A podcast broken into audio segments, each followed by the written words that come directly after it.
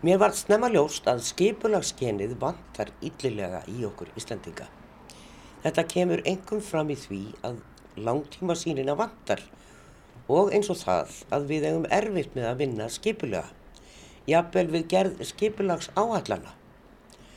Ákvað ég því snemma í starfi mínu að skipulagi að reyna að ebla langtíma sín og að vinna sköpun yfirlita yfir stórar heildir til að vinna á móti vönduninni á skipulagshæfileikanum og skipulagsviljanum meðal þjóðarinnar. Svo segir Trösti Valsson skipulagsfræðingur í síðustu bóksinni Mótun til framtíðar.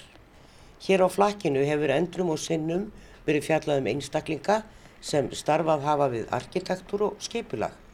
Í dag ræðum við við Trösta Valsson skipulagsfræðing. En Trösti varð 75 ára fyrir skömmu og hefur nú sett allar bækur og greinar endurgjaldslaust á netið undir flýparum tröstivalsson.is og eru 14 bækur hans og ótal blaða og fræðigreinar að finna þar. En Trösti var profesor við Háskóla Íslands í um 30 ár. Trösti Valsson hefur ekki leið á skoðunum sínum og tekið þátt í umræðum, fundum og hugmyndavinnu alla starfsæfina. Og við erum komin í heimsók á Háalætsbrötina á æsku heimili Trösta. Við ætlum að spjalla við Trausta í dag og svona fara yfir hans feril og heyra hans skoðanir á ýmsum málum. Hann er profesor emeritus, hann hefur starfað í Háskóla Íslands eh, sem skipilagsfræðingur og arkitekt og kent þar í einn 30 ár. En eh, við ætlum nú bara að byrja á því að spyrja eins og svo oft þegar maður er að fara kannski yfir svona viðtal e, þú varst 75 ára og þar, þar með vitum við að þú ert fættu 46 og ákveður að verða arkitekt. Hvern, hvað er hvert lág leiðin? Hver, hver byrjar í skóla? Já, sko, það var nú barn uh, barnæsku draumur minn að verða arkitekt. Og ég er svolítið svona listrætn í mér. Og hérna þannig að við dremdum það að uh, þetta var alltaf í því sem tekna ykkur hús og, og svo framvegis. Svo kemur að því eftir mentaskóla að velja sér háskóla og þá fer ég og sæki um og, og kemst inn í, já, í Vestuberlin í skólan þar sem var mjög skemmtilegt. En svo þegar ég komið þangað, þetta var nú hippa tímanbili, ég fer það nú 67, að þá er skollin á þessi hippa bilding og uh, mér alltaf þótt að skemmtilegt að rifja það upp ég var nú ægilega spenntur alltaf nú ætti ég að fara að teikna einhver rosafalleg hús og svona. Og þá stóð á uh, plakottum út um alla veggi skólans á þýskum arkitektin hörd af sæknin dengt arkitektar hættið að teikna hugsiði Já, það er nefnilega það. Og ég, þetta gekk allt út af það að endurskapa þjóðfélagið og ég er einhvern veginn náttúrulega smitast af þessu og, og sá að það var nú ekki hægt að endurskapa mikið með að vera teknikur einbílisús og, og þannig ég ákvaða að svissa yfir í sinnihlutanum yfir í skipulag sem getur haft mikil áhrif á mótun. Já, skipulæði alltaf bara, já, sérstaklega skipulæði, það hefur gríðarlega áhrif á mannfólki og samfélagi bara hvernig það þróast. Já. E, viltu meina kannski að það er á þessum árum sem að menn byrja að hugsa um það, voru ekki hugsaðir áður sem að voru búin að svona lesi þetta? Já, það er ekki spurning. Já. Sko, ég er, ef þeir eru í kynnslóð, sko, í mentaskóla, uh, við vorum allir í, í með þessi skólanum bara í, í með bindi í hvitir skýrtu og bara vorum í ímyndu okkur að, að vera svona góðborgarar held ég. Já. Svo kemur, það var einn held ég á útskriftamindin okkar sem eru komin í lofabissu. Já, aðeins síka hárið og svona. Já, Já. það var að koma í útskrifað 67. En svo þegar ég kem þarna út að þá er þetta alveg, dyn er þetta allt yfir og, uh, og þá það er náttúrulega verður eitthvað hóp stemningi kringum þetta, þetta var úlingabilding og hún var alltaf byrjað með bytningunum og bytlunum og, og allir því. Og, og uh, unga fólki það bara afneitaði gamla þjóðfélaginu, sérstaklega í Þískalandi því að þarna voru svo fóröldarkenslu en ennþá gamla nazistatnir og ennþá með sömu hörkuna og, og agan og allt þetta og þessi vini mínu þeir hefði ekkert sambandi fólkdrar sinna einu sinni. Nei, og svo er náttúrulega, er ekki, er þetta austur og vesturbel? Já, og það, það var mikið spenna þar á milli á þessum tíma. Múrin hafði verið reistur held ég þremur árum ég kem þarna út og þetta var svona söðu pottur í heilspolitíkinni. Já. Sérstakur tími. Já, En, en eins og ég segi, það er þarna sem að svona kannski margir arkitektar fara að hugsa um já, að skipula skipta já, já, En þú lærir arkitektur. já, Það voru kannski ekki margir á þessum árum sem fóru beint að læra skipulagsfræði. Þú gerir það síðar. já, það, það, það voru mjög fáir að komnir skipilafræðingar á þessum tíma. Já. og ég er svo sem sé nú ekkert eftir að hafa svissað yfir en það og svo líka er ég heppin þegar ég kem heim í 72 að þá er verið að byrja að taka upp danska skipulagi frá 65 og stopnun í stopnun þrónastofnun Reykjavíkuborgar og ég fekk það starf bara fyrsta degi stopnunarinnar og, og það var einstakt og þa þar með fór ég að vinna í skipulagsverkefni fyrir Reykjavík í yfir sex ár Já, já. En, en hvað, hvað komstu með heim? Komstu með eitthvað sem hýpa hugmyndum með þér? Og svona breyta samfélaginu og, Já, og bylta? sko, e, sko arkitektur og skipulag að fram að þessum tíma að hann var mjög kaldranalegur og þetta þótti svo flott steipan og glerið og kassarnir og allt þetta og það var til minnst sagt um Bernarstofnun að þetta verður bara danska fúaspítur. En við aftur á móti hipparnir áttum einhvern hlut að því, sem mismikið, á, á miklu frumkvælar á því sviði þetta nokkur að, að, að hérna bjarga Bernstofnun og ýmsum gömlum, öðrum gömlum húsum. Og uh, það var líka komið þetta að að, að, að, að vera svona uh, kallaða dönskunni tett og lag uh, sem sagt þétt og lágbyggt. Uh, Kolbestæðamýrin er svona skipulag og eins ferðið millir lífs og dauða. Mjög huggulegt og mannlegt. Já, en uh, uh, áður voru þetta bara þessar þessa stóru stóru blokkir uh, standandi í gólunni já, nákvæmlega og einar á túnni. Já, og lítið, lítið skjólmyndun til dæmis. Já, mjög lítil. En Byrtan kom svo sem með því Já. og ég hef oft hugsað um það hver, hver rökin voru mitt. Við erum í einni blokk hér Já. á, á Háalinsbrautinni Já, og, og sem er látt að þetta er blokkakverfi hér upp og niður Háalinsbraut jú, jú. Og þessar blokkir standa svona á stóru túnni en, en það sem að kannski var kosturinn við þessar byggingar er að það er mikið byrta í íbúðunum. Já, Það er engin skuggamyndun. þetta er svo oft í skipulæginu, í skipulasögunni, að þetta eh, fer yfir í eh, eitthvað öfgar, þetta var alltaf í Yðnborgarkonum gömlu í Breitlandi og Ískaland og víðar, að eh, þeir sem voru að byggja vesmiðunar byggðu sko húsnæði alveg orðin í vesmiðu vegnum og allt mjög þeim, sem sagt þröngt.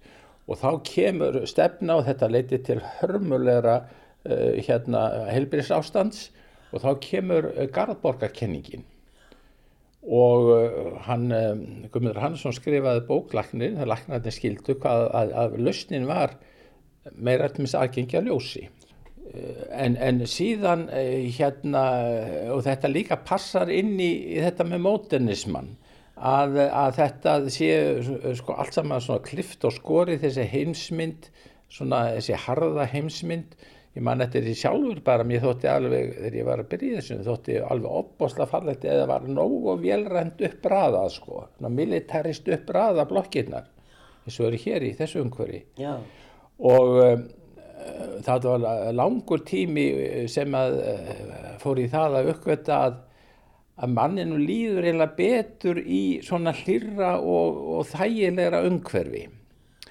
Jæja, en það var ímislega fleira sem ítti undir þetta, til dæmis það að uh, Emmitt Finnsen sem var nú halvur Íslendingur og, og, og hlaut Nóbersvelun í læknisfræði 1905 minni minni mig lærði í mentaskólanum og svona að hann fekk Nóbersvelunin út á lækningamatt ljós.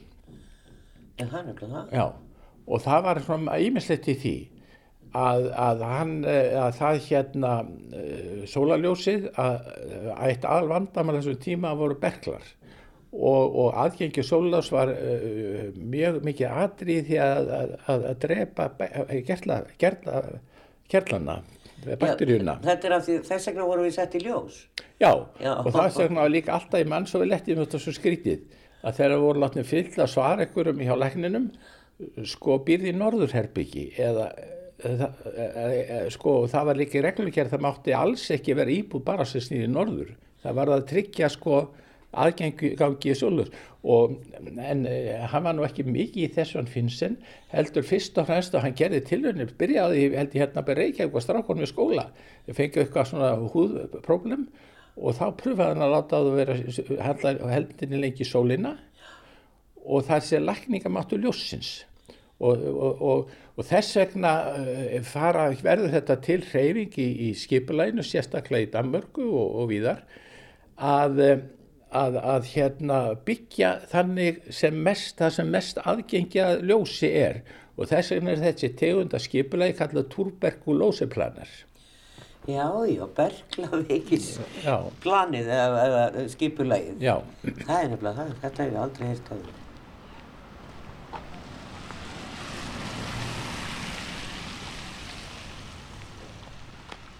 Í mörgum húsum eða byggingum hér á landi sem eru byggð í funkistíl má sjá þessa hugsun hönnuða í klukkasetningum. Húsin snúa í norður, söður og gerðnan hortglukkar á söðurliðum og fáir glukkar sem snúa í norður. Við höldum áfram heimsóknunni hjá Trausta Valsenni skipulagsfræðingi.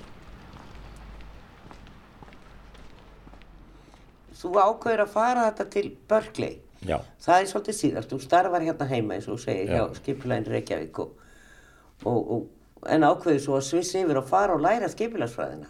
Já, sko almenlega. Já.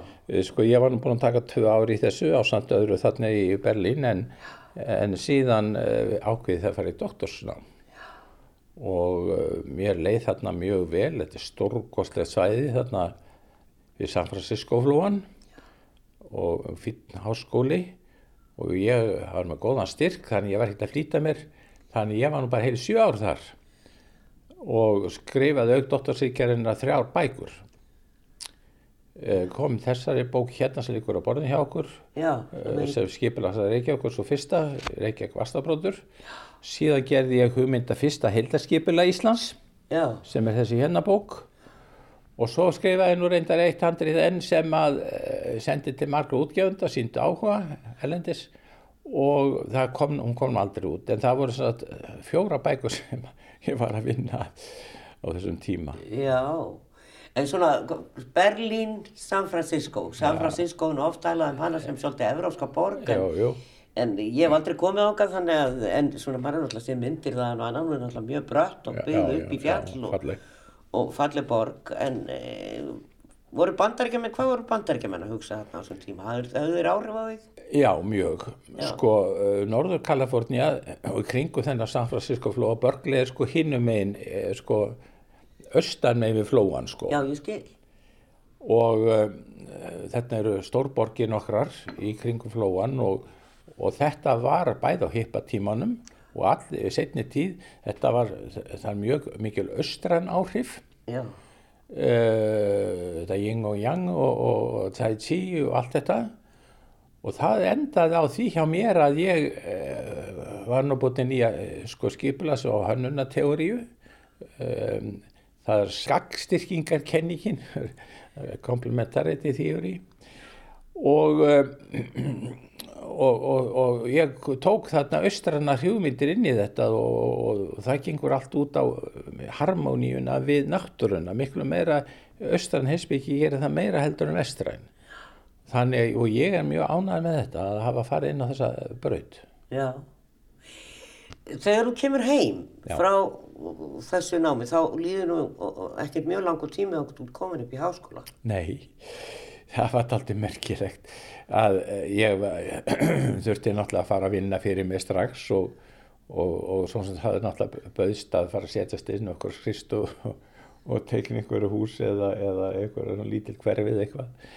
En ég hugsaði sko nú ég er búin að eða svona rosalega tíma í teóriu og minn rétti staður raunverulega í háskóla.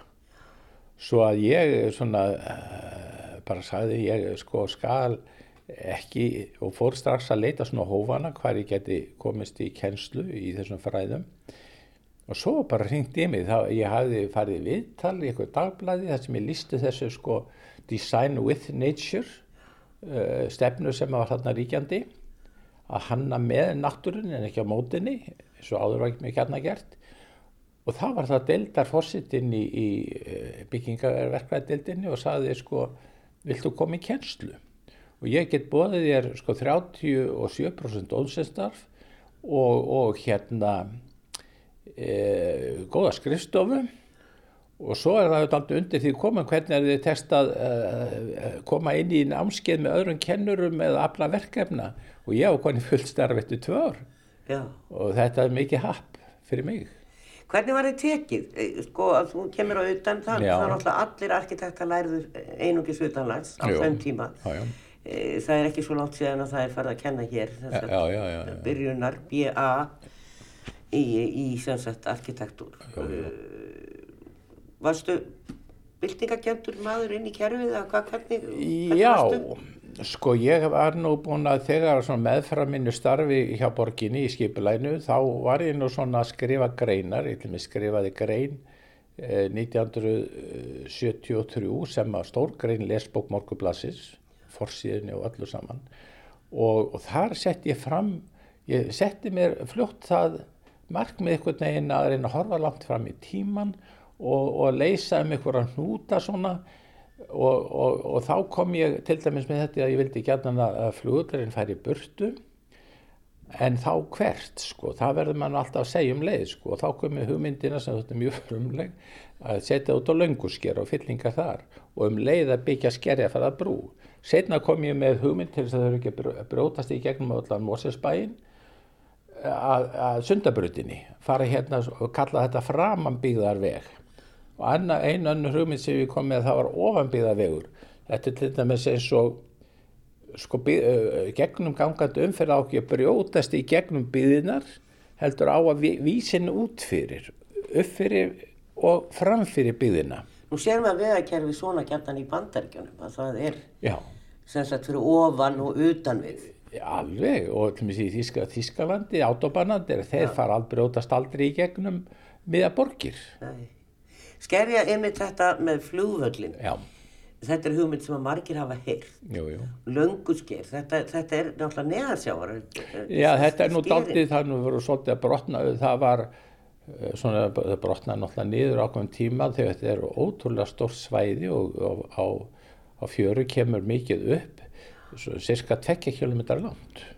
En þetta er náttúrulega svo lítið upp úr og þetta sést ekki enn og til minnst svo flugulega þyrlu að þá sést þetta mjög vel sko hvað þetta er risast á svæði Já. og það var til minnst að heia þarna e, sko fyrir stríð. Það voru engjar þarna úti Þegar fjarlæðinni hérna frá áhaldisbraut og þetta er svona út í Vesturbæ en það heitir fjörður, skerja fjörður út af þessu Já, en það er enn verið að ræða um. Trösti. Og það hefur verið að prófa núna enn eitt svæðið sem, sem mögulegan flugvöll. Hva, hva, hvað finnst þér um það svona bara? sko, það er mér finnst það daldið eiginlega grátt broslegt að það eru þarna herveldi tvö, breytar og bandaríkjuminn sem byggja hann tóku tvo flugvelli. Annar eru nálagt og hinn eru á langt í burtu. Ef að hefðu nú verið góð skipilagsmenn þá hefðu þau sagt byggjum með tekinn nýr í miðbæri Reykjavík flugvellin förum aðsóttur borgina og, og, og, og, látum bandaríkjamenn eh, bara byggja þar flottan flugvöllum í kvasarhenninu sko. En svo er það svolítið skrítið. Sko, það allra besta væri að vera hægt að sameina innanlandsflug og utanlandsflug á sama flugvelli og lappaður bara úr, úr flugvellin frá London og beint yfir á húsækuvélina, sko. Og það, en, en, en fyrir innanlandsflugið þetta er allt á langt í burtu. Og uh, fara að byggja alveg nýjan flugvel til þess að ná þessum marki að vera bæði minnaðarsflugur og sko, uh, sko, ég menn eru held ég bara með eitthvað leikrit í gangi.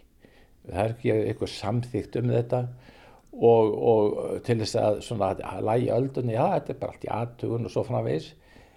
En, en að vera að byggja og nú er verið að fjárfæst alveg rosalega já, og sér á Keflavík uh, með eh, stór stakkaðri flugstöð með helming stakkun Já, Þannig að það er ekkit e, þeir sem að stjórna raunverulega í Savi á þetta, þeir eru, þeir taka þátt í þessu, þessu leikariti að þykjast þeir að pröfa aðflug í kvassarhaunin og svona. Ég held að því miður, en ég held að, við, að það er eiginlega það sem að býður okkar ef við ætlum að losna við að finna stað fyrir lítinn innlandsflugul. Við höfum geta gert komið þannig flugulna fyrir við þrengstu fyrði og Ísafyrði, Eyjafyrði út um allt Akkur ekki hægt líka hérna í flatlandinu öllu Já. við farsaflóan að koma fyrir einni flugbrönd ykkur starf. Hvort það verður á svo skerjum eða ég veit ekki hvar. Marki vilja líka meina að það er bara geima þetta land. Þar til næsta kynslu kemur og leifa henn að leysa þetta. Og þá hvað verður um en þannig flugvöld en, en að þú segir, þú horfið til framtíðar. Já. og margt af því sem þú skrifar bara síðasta bókin, Mótun framtíðar sem er svona æfisöguleg bók Já. að, að það er náttúrulega margir sem tala um að því að umferðar menning á eftir að breytast svo mikið á næstu árum, 40 árum. Já, gæti verið. Að þá sé þetta nú bara ekkert mál að fara í einhvern skottúr hérna til Keflavíkur og þetta verður bara allt þar. Nei, já, sko, ég minna fólk, fyrir þá sem er búið í Hafnafyrði, þá er þetta ekkert mál, endur nú, endur nú uh, Æsland er fluttið til Hafnafyrðar, ég myndi út að því svo stutt þá fyrir það flug bara, eh, þetta er nú ekki hérna bara 35 km frá Hafnafjörði en hérna á Kjalarnesi þá er þetta 60 km eða, eða svona 50, 50, 60 50, 60 þannig að það er nú ekki eh, alveg al, al, algild löst en um, þetta er uh, mér stálti skrítið að hvaði Íslandingar eigum átt að erfitt með að komast að niðurstöðu hugsaður alla umræðina sem var til þessum stafsynningun á spítalanum í ára tíu og hvað er búið að tala lengi um þetta flugallamál í 60 árheldig og aldrei neina niðurstaða. Ekki einu sinni að svona frum aðtún á hugsaðu öðru flugallasvæði Er þetta hugleysi til hennu? Ég finnst þetta bara ég, þetta kannski ekki þetta er náttúrulega hagsmunir eru þannig að bakvið til með að gömur regla að samgöngur á þeirra hefur allt eh, nefn í eitt skipti verið utan að landi og þá hefa allar aðal framkvæmdinnar miðast við það og, og landsbyðarinn alltaf vilja helst ekki þetta lenda á flugvel hérna nýri miðbæ og með þessum flugvelli hér yeah. og, og, og síðan er það sko flugrestar aðelarnir að þetta er líka vola þægilegt að uh, ganga, þegar við búum í hlýðunum að þá geta lappað bara út í flugvelina Já. En um, það eru hagsmunni þarna bakveða verki. Auðvitað er það og það er alltaf alltaf. Og í litlu landi þá eru þau kannski ónálat korðarum og, og allir þekkja alla og allt það. Það er einhver frendi eða bróðir eða sýstir eða sonur eða eitthvað eitthva tengt fram og tilbaka. Já, já.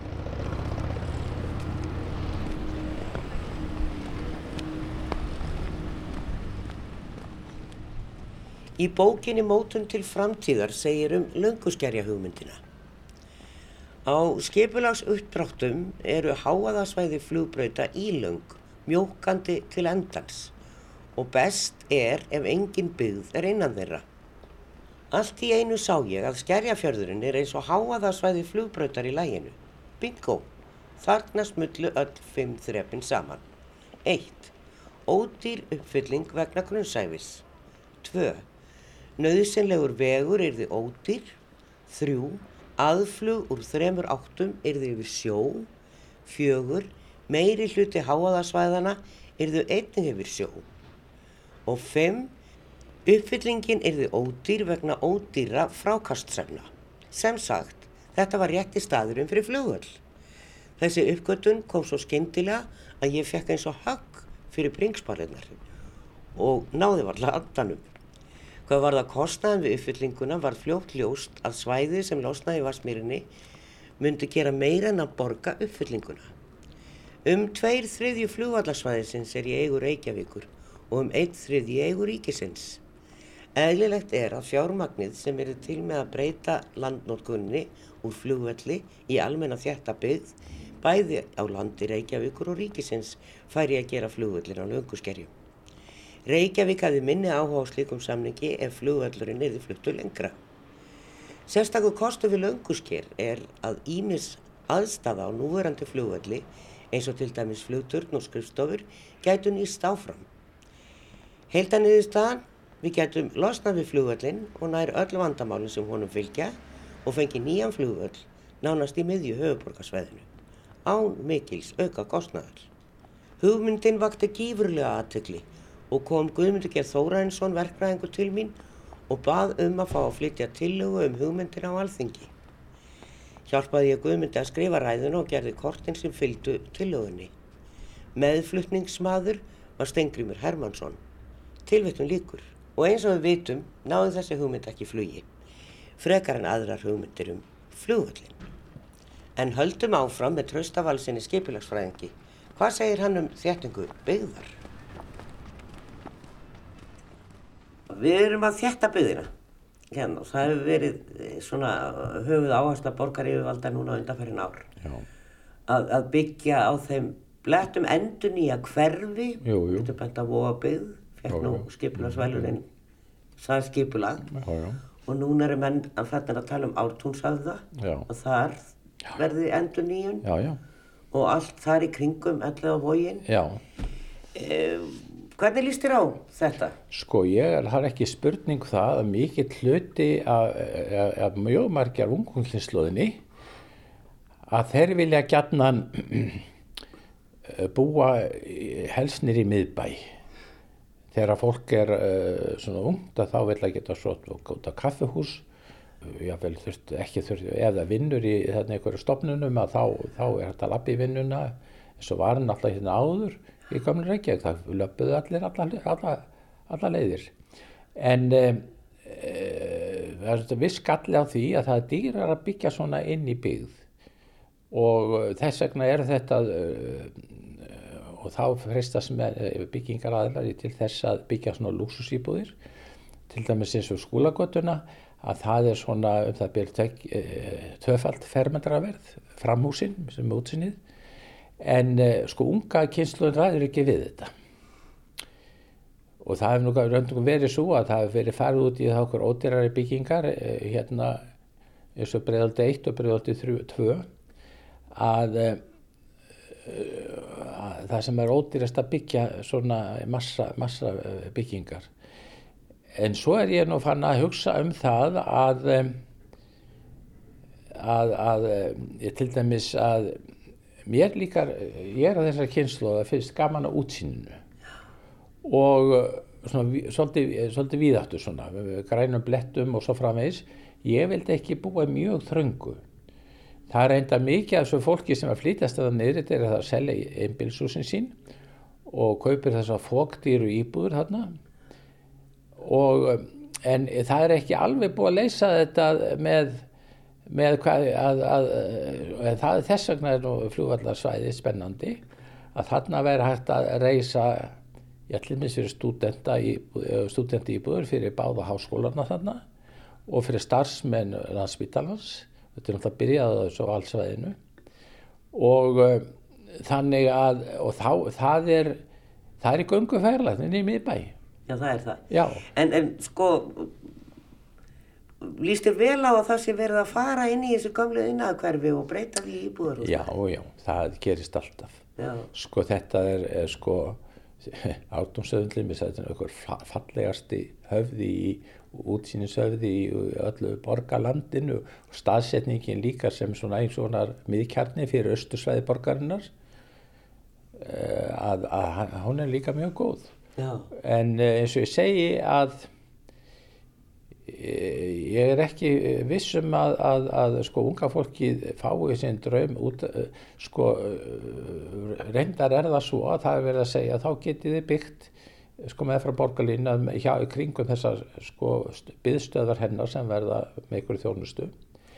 En þá er það bara þannig að að, hérna eh, þú, þú, þú þarft að fara víðar og við, vinnu kannski í Garðabæri og, og ég sé það ekki að, að, að, að það sé eh, það leysi þetta mál að vera. Og svo er það bara sömleiti líka það að miðbærin ef, honum hefur svolítið nignað sem verslunabæir mm, og, og það- túrismin er búin að taka svo mikið yfir sko að ég fer til með aldrei inn í sem lopapeysu verslun sko Nei, Ha. það er einhver frænga sem prjónar á okkur. Já, já, akkurat. Við þurfum En ekki. allavega að, ég veit það ekki, jú, en, en svo er mér finnst að, jú, jú, það, það, það er eitthvað hluti fólk sem myndi fagna því mjög að hafa óhindraða leið, sko, frá, með fram borgarlínunum, þeimur sem eru áallar núna, uh, nýri miðbæinn, mér finnst svona miðbæinn, ég fann að fara að minna þetta nýri til. Já, það getur nú líka verið aldrei tröst. Já, En, eh, en, en ég er ekki svolítið pólitik í þessu líka. jú, af jú, hérna, jú, jú, jú. Sko, nú er, er þetta náttúrulega skipula borgar yfirvalda. Það er pólitikir sem samþykir þessa, þessa uppbyggingu já, á já, já. þetta borgin og, og þetta eru dýrar íbúðir. Já. Og maður hugsa, af hverju eru það svona dýrar? Er það út af því að lóðirnar fyrir þá sem er að framkvæma eru alltaf dýrar frá borgarinnar hætti? Já, þetta eru oft engalóðir. Ég heldur að enga. Já, mjög margar af þeim. Og í öðru lagi þá byrjar þetta á því að það þarf að rýfa einhver hús sem eru til dæmis bara alveg fínustu hús við það og það er maður sér eftir sumur með þessum húsum sem hafa verið rýfin. Ég finnst að hafa tekist vel til með þess að þéttingu að háu húsaröðina meðfram uh, skólagötunni. Og þetta er, eins og ég segi, þetta er bara dýrt fyrir, fyrir unga fólki sem er raunverulega á mest, eða vill mest eh, sa- eiga heima þarna eh, nálægt miðbænum. E- Ef manni rétt, Trausti Valsson, að þú eh, einhver tíman á nýjunda áratögnum, líklega, Já. var sjónvarsmynd sem Rapp Gunnlaugsson gerði. Jú, Og þú. já, já, Það sem já, við einmitt reistuð upp húsin eins og skúlaköttunni meðan annars satt nafna þá, þá snýruðu, tókuðu þess að láristu byggðu og reistuðu hana við. Já, já. og svo eru náttúrulega helstu fræðingar á því að við eigum ekki að byggja meira en þrjár hæðir Já. í, á okkar norðlægu slóðum. þetta, já, já, sko, uh, Hrafnmann og talsmaður, ég laði ímislegt til í myndinni. Og það var enda tværi myndi líka, líka um Ísland, það var Ísland í öðru ljósi og hitt var Reykjavík í öðru ljósi. Og hérna en, en, en hann eh, var með þetta og, og, og eiginlega hann var eins og mikið útsýnismadur að honum fannst sko að þá my- myndast ef þetta er svona sambyður vekkur eins og var skipilað þarna fyrst sko að þá sjá, sér byggðin á, fyrir bakvið ekkert út á sundin og, og esjuna. Þannig að hann vildi búa til þessi bíl á milli. Það var svona aðalhugmyndin hjá honum og hún á, á, er góður að gælda verð en svo eru þetta svona turnar. Og einn ókost við þá að það mynda svo mikið kvirvilvindar og, og, og, og, og, og, og eins og trektar fyrir vindin til mig sérna niður höfðatórsturnin það er alltaf stætt þarna í, í, í, í roki sko. Já. En við erum að byggja svona, við erum náttúrulega allt höfðatorkið, já, já, hafnartorkið eru náttúrulega mjög háa byggingar og, Já, já. og rosalegt byggingamagna á einum Já. litlum bletti. já, já. e, Hamraborgin í Kópavogi við vist alltaf verða eitthvað Já, svipað já, þessu. sama, sama svona. Já. E, e, sko, á meðan fræðumenn tala um Já. láreist þrjá- þrjá- ma- max þrjárhæðir, þá virðist ekki að þeir sem standi í framkvæmdum sjáu það sem einhvern, einhvern möguleika. Já, sko, svo er þetta aldrei merkilegt þegar að þéttingatölur, eh, til dæmis á gömru uh, verkamarbústað með ringbraut, að þetta er mjög haf nýting og þingoltin meira minna öll, þetta er alveg að jafn haf nýting því að það er svo mikið svona ónýtt pláss í kringum þessa turna. Þannig að ég er nú, Kanski stærri íbúðir, þetta er minni já, íbúðir. já, allavega sko, Já, það er náttúrulega, það eru margir sem segja þetta. Það sé ekkert minni nýting til dæmis á að byggja lítið raðhús eins og að byggja blokk. Það er ótrúlegt sko, en það er þessi starrend sko, að það er hægt að þessi lága byggð í Þingóldónu til dæmis, fallega byggð, þetta er mjög há þéttingatala þar, Já. nýtingatala. Svo er náttúrulega það fólk sem að vill bara alls ekkert búa þröngt og, og eins og þú sagðir, þú vilt hafa útsýni og, og það eru margir sem vilja það. Og við erum alltaf að tala samt um að við verðum að hafa umhverfið mannvænt. Svo við líkjum okkur nú aftur hér við háarinsbreytina því að það sitjum við. Já. Hér erum við með umferðaræð niður úr Já. sem er enda búið að breyta í svona vistgötu, hún segist. En innri hluti við uppi blokkirnar, sem sagt sunnan megin, þar er bara önnur akbraut og bílastæði, það eru bílastæði fyrir framan blokkirnar. Já. það er alveg bara aðra grúa bílastæðin hérna Já. allavega hennar sunnan Já, megin. gott og vel. En þetta er þó þannig skipulagt að, að bílastæðin er yfirleitt norðan með húsin Já, og, og við getum setja út á svölum og það heyrist ekki bíl. nei, Og við, að því að þetta dreigið svolítið frá aðlumförðagötunum hérna, ég er nú alveg hérna á há, háaleitinu, hrygnum, að þá, það, þetta er mjög mikið lífsgæði hvað þetta er uh, opið hér í kringu, eh, svona fyrir minn smekk sko, nú er þetta endur taka það, Já. að sko fólk hefur svo mismandi þarfir, jáfnvel líka ákveðum tímaskeiðum, þegar þú ert ungur, þá skiptir þið engum máli þessi ekki grætt blettur eða uh, fyrir börnin, en svo heyr ég það að unga fólki þegar það komið börn og vill þau aðeins stærra líka vegna þess að það vill hafa heimaskristofu, þá hefur það alls ekki efna á að búin í miðbað, þá flýst það út í útkverfin. Já. En sumir eru bara mjög ánægð með það, til dæmis eins og Mórsesbænum, að þetta er mjög græn bær með frá varmáni til dæmis og þegar þú er bara út í, alveg út í sveit. Skipulag þarf að bjóða upp á ekki eina lausn heldur fyrir alls konar lífsform. Fyrir hústýra halda við ekki hvað.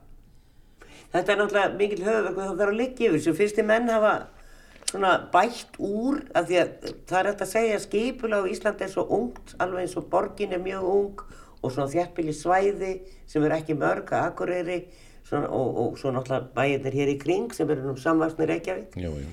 Þannig að maður getur, sem maður segir Reykjavík, þá á maður náttúrulega bara við allt Já, já. Já, já.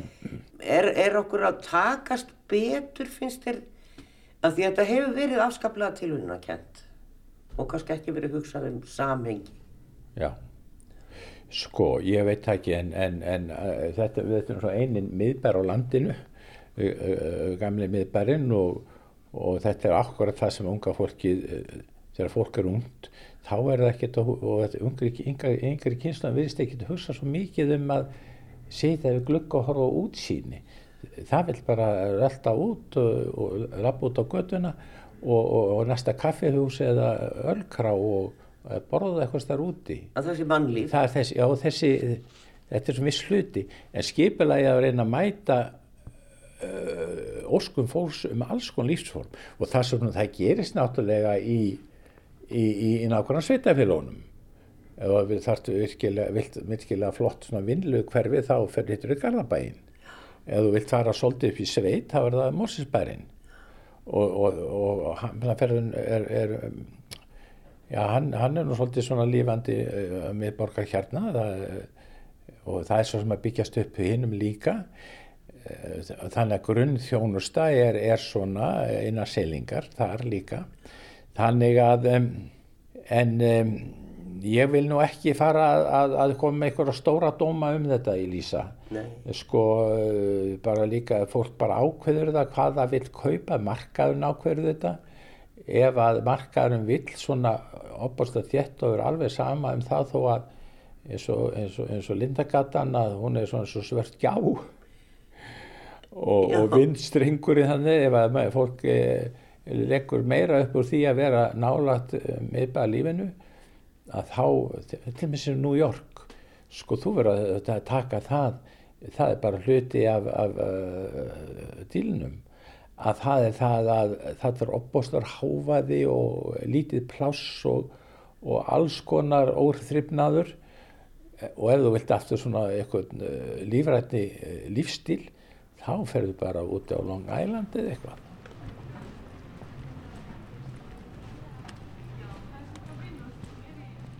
Við sitjum á háaleitusbrautinni á æskuheimili Trausta Valssonar, skiplagsfræðings.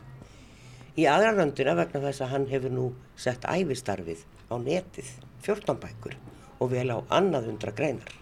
Og við tökum hér lokan hikinn. Borgarmörk, hvar finnst þér það ætti að vera? Sko núna er með sér að tala mikið um landfyllingar og e, með hækkun yfirbór sjáar. Þá hafa margir bent á það að þetta er nú kannski ekki sniðast að leiðin núna í, meðan við eigum við loftslagsbreytingar og, og hlínun jarðar og það er svo margt sem að mögulega geti gerst. Já, nei, nei, það, það ég, þetta mennur hortni frá því að mestu leiti. Sko það er alltaf hægt eins og við erum að gera, sko þá er, til og með í Kína við Shanghai, ég veit að það byrjaði að hækka landið um tvo metra áður en að byggja þess að vera tilbúinir, sko. Já, og það er dýrt líka að fara svona hátt upp, fyrir, upp úr sjónum síðan erum við náttúrulega hérna fyrir opnu allansafinu og það var til dæmis uh, 1799 það var svo alltaf básendagos hérna flóð sem að uh, þýtti uh, 5 metra herri, herri flóðöldu og, og, og, og flóð. Og þá hefði til dæmis og þá fór kvosinn alveg í, í, í og það flætti með sumirhalda jáfnveil að sjórun hafi flætt alveg yfir skerjaferð. Sko enda núna verið að byggja rosalega sjóarnakaða loksins móti alla safinu þarna við ánanustin sko já, já. þannig að, að þetta sko ef við værum ykkur landfröng við höfum alveg nóg pláss á Íslandi þau eru ekki að vera að vaða þetta út í sjóin Hvert veist þér að borgin þetta tegja sig? Nú erum, sko, nú erum við næstu tengdorðin kjalanesinu, getur við sagt og síðan erum við heila alvorðin sambyggð hérna söður úr Já. en svo er náttúrulega þetta byggja upp í fjalli. Líkilatriðið í þessu að það er það að tengja sama þessi sjö sveitafélug. Uh, dreifingin er fyrst og fremst vegna þess að kjálnesingar byggðu grundakverfið og Mósesbær og allt þetta og þá dreifist þetta cirka 25 km lang borg sko og, og það er innan um allstaðar uh, mjög víða alltaf alltanissið og, og, og þetta sem að eru óbyggð svæði. Og auðvitað þarf alltaf að vera eitthvað uppur en sveðin þegar þau eru mjög ríkuleg hérna á höfbrukarsenu þar sem á gætt en ég hef svolítið talað fyrir því að ég held að það eftir að koma maður sér það svolítið sömbústaþróunni ég man ekki hvort það sé til dæmis fyrir austan fjall alltaf sé ekki svona 20.000 sömbústaðir það komin hitt að veita og fólk býr orðið í þessu til háls. Þetta er nú kallað tvöföld búsetta og ég er með sjálf með bústað hérna upp í kvalfyrði og, og það er sko ekkit að því að búa þarna. Ég, ég ger það reyndar ekki í veturinn það er komin hitt að veita allstaðar og það er farið að núna aukast mikið að fólk verður býr bara í sömbústöðunum það er miklu ódýrar eftir komin eftirlaun og jáfnveg að kera í bæin þetta er nú ekki nema 50 kilometrar þannig að, að ég held að og þarna getur við verið með bátni við sjóin og þú getur rægt að þinn skó og verið með hænur og hesta þess vegna og eitthvað svoleiðis. Ég, ég held að þetta er svolítið eftir að sækja á og skipulagi þarf að, að, að bjóða fólki svolítið upp á þetta. Það er nú talað um til dæmis í Danmarku, það er heilsáshús eða sumarhús já, já. og þú mátt ekki búa í sumarhúsinu allt árið. En í heilsáshúsinu máttu búa og þau eru, þau eru kannski hlið við hlið. Já, já. Sko, það, það eru, það er strángar reglur með heilsáshúsin en ég veit ekki til þess að það sé verið að, að stugga við fólki.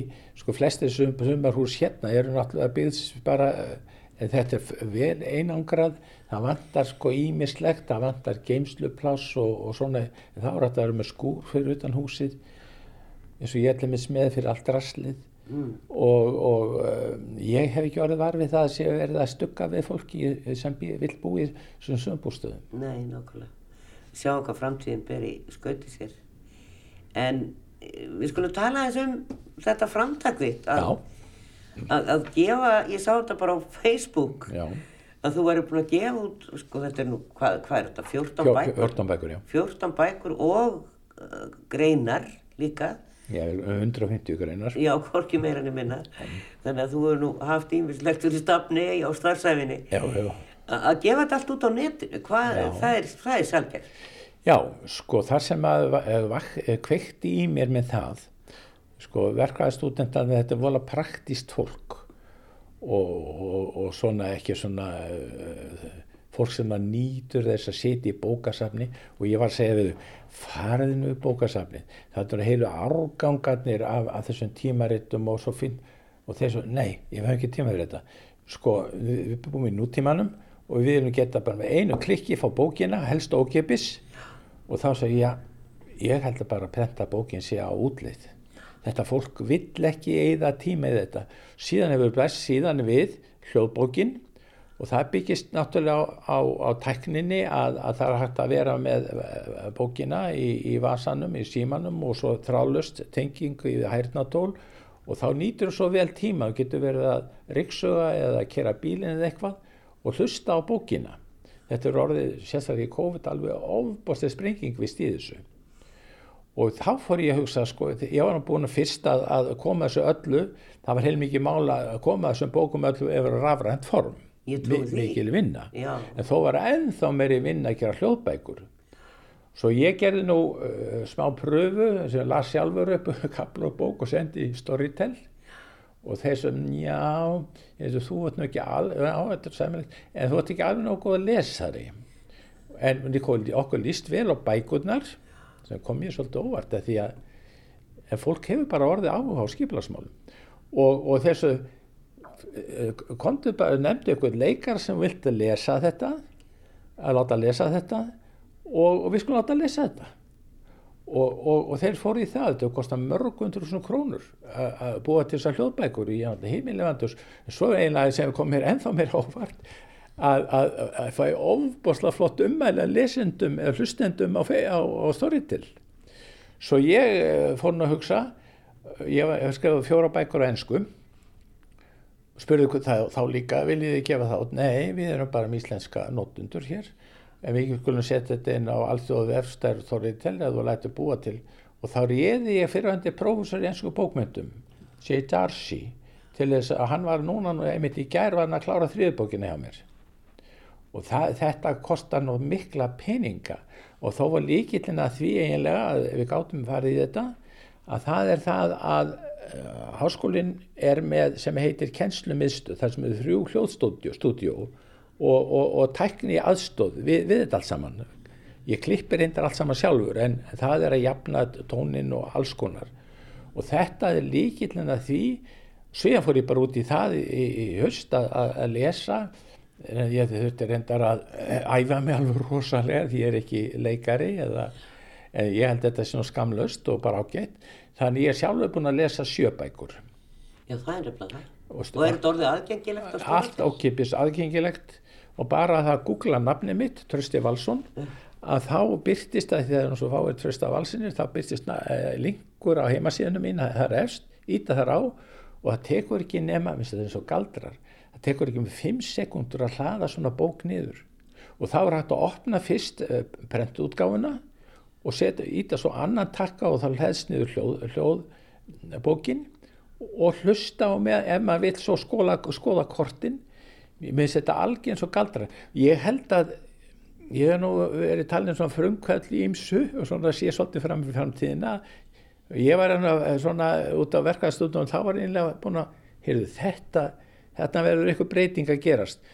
Og ég held að bara pappisbókin sé meira að minna útleið þetta er svo miklu þægilegra En hvað með þau sjálfa? Lestu bækur? Nei. Já, ég, ég, ég er gamla kynslu en ég vil lesa á pappir. Já, því meina þú lest bækur. Nei, já, ég kann ekki að, já, svona uh, uh, snjall síma, ég keitti fyrir fjórum árum, ég veins nú opnaðan.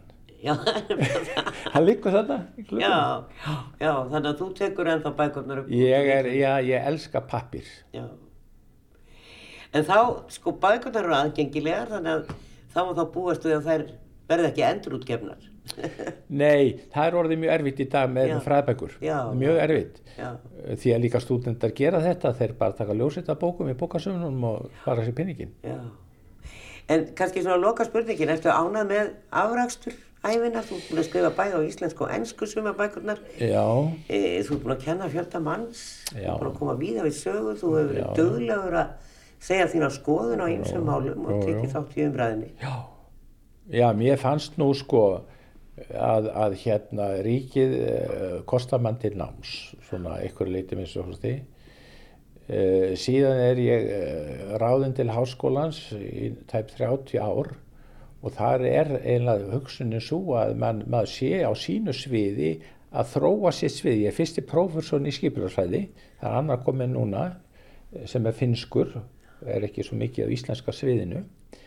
Og, og ég hefði ekki getað, uh, ég segi nú að horti í speilin, nema ég uppfyldi þess að sem fyrsti prófessorinn en, en að, að, að skila ákveðnu grunnefni því að umræðan um skipilarsmál hún að einhver leiti byggist á til að tekja til með skipilarsöguna þekka ákveði svona fræði skipulags og arkitektúrs þess vegna. Og uh, ég hef bara lagt heilmikið á mig við að, að koma þessu efni saman og ég veit að það hef nýst vel. Eh, þessar bækur hafa ekki farið hátt kannski sem fræðibækur en þær voru prentar í 1500 eindöku sem mjög hátt fyrir, fyrir fræðibók, allar uppseldar. Og það er eina leiðin til þess að þetta nýtist við framtíðina að búa til þessar rafbækur og hljóðbækur. Eru þessar bækur nýtt af við kænslu arkitektur á Íslandi? Ég rekna með alveg, já, já, já, það, það er mörg, og mörgum öðrum deildum. Því að ég fjalla svo mikið um bara byggðarmál og, og, og samgöngumál og, og umhverfismál þannig að, að, að meðan að fólk var að ég fekk alltaf eitthvað yfirlit á hverju ári sko, ég fekk borgaðar fyrir ljósitt sem voru tekinn upp á bókuminu, það var heilmikið sem ég fekk út úr því en, en ég rekna með því þegar þetta er orðið ókipis og það rýta bara eitt takka og, og að þá verði meiri notkunn á þessu.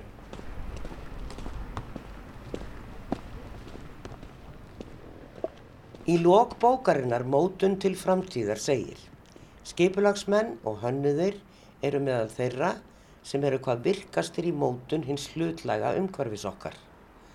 Til að góður árangur náist þurfa hönnuðir og stjórnmálamenn að vinna vel saman á þessum verkefnum. Það eru orða sönnu. Ég þakka trösta valsinni skiplagsfræðingu fyrir spjallið og verðið sæl.